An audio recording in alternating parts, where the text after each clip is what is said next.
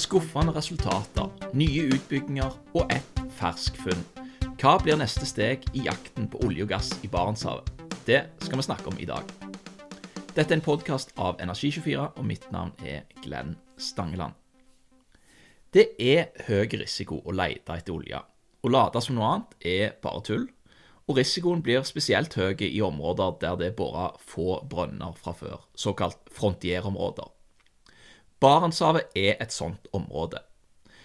Nylig så ble det klart at bare sju selskaper har søkt om areal i den 25. konsesjonsrunden, der totalt 136 blokker ble lyst ut. Av disse så var 125 i Barentshavet, og ifølge E24 så er dette det laveste antallet søkere i noen konsesjonsrunde på norsk sokkel. Så det setter ting litt i perspektiv.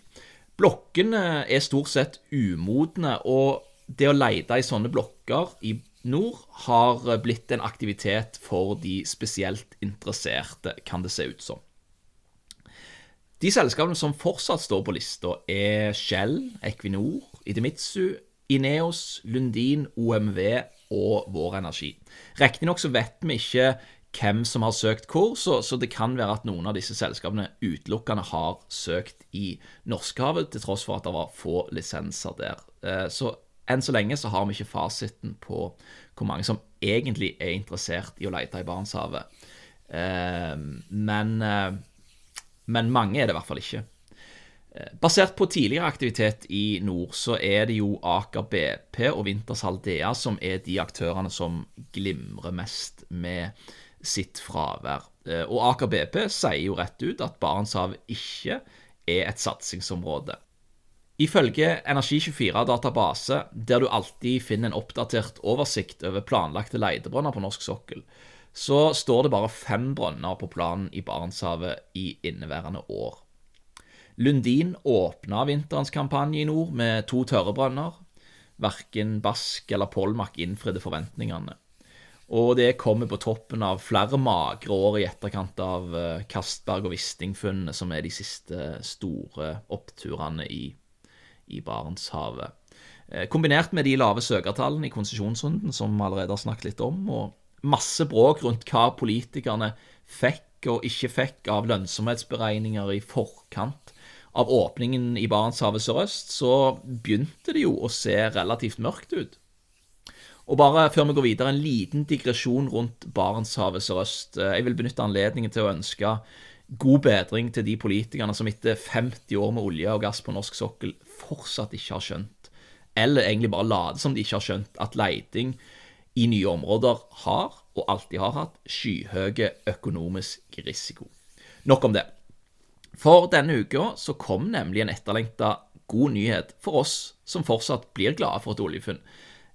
Jeg tenker det at hvis vi først leter etter olje og gass, så er det jo bedre økonomi at vi finner enn at vi bommer. Equinor har funnet opp mot 50 millioner fat ekstra i Johan Castberg-lisensen. Med kort avstand til planlagt infrastruktur så er det vel all grunn til å forvente at funnet er kommersielt og kan bidra med verdifulle tilleggsressurser og styrke økonomien i Castberg-utbyggingen. Og gudene skal vite at det trengs. Og mye tyder på at isflagfunnet blir representativt for hvordan leiting i Barentshavet vil foregå de neste årene. Brønner som bores nær eksisterende infrastruktur, er allerede dominerende i Nordsjøen og Norskehavet. Goliat og Snøhvit er allerede i produksjon. Johan Castberg bygges ut, og Wisting-lisensen planlegger PUD innen utgangen av 2022.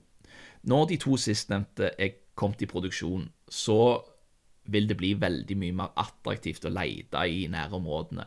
For da kan selv små funn gi stor verdi, sånn som vi har sett i andre områder på norsk sokkel. Og eksisterende funn, som f.eks. Lundins Alta og Gota, kan òg fly når det er ny infrastruktur på plass.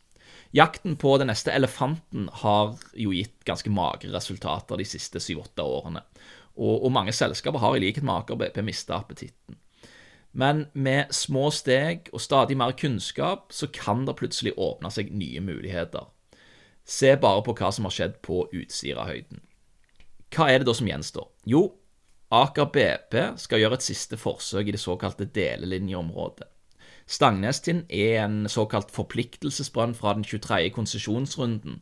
Det betyr at eh, når eh, det ble bydd på denne lisensen, så lovte eh, de som fikk den, å bore en brønn der.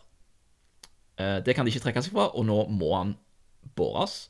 Men det er få, om noen, som forventer et funn her etter de tidligere skuffelsene som har kommet i samme nabolag.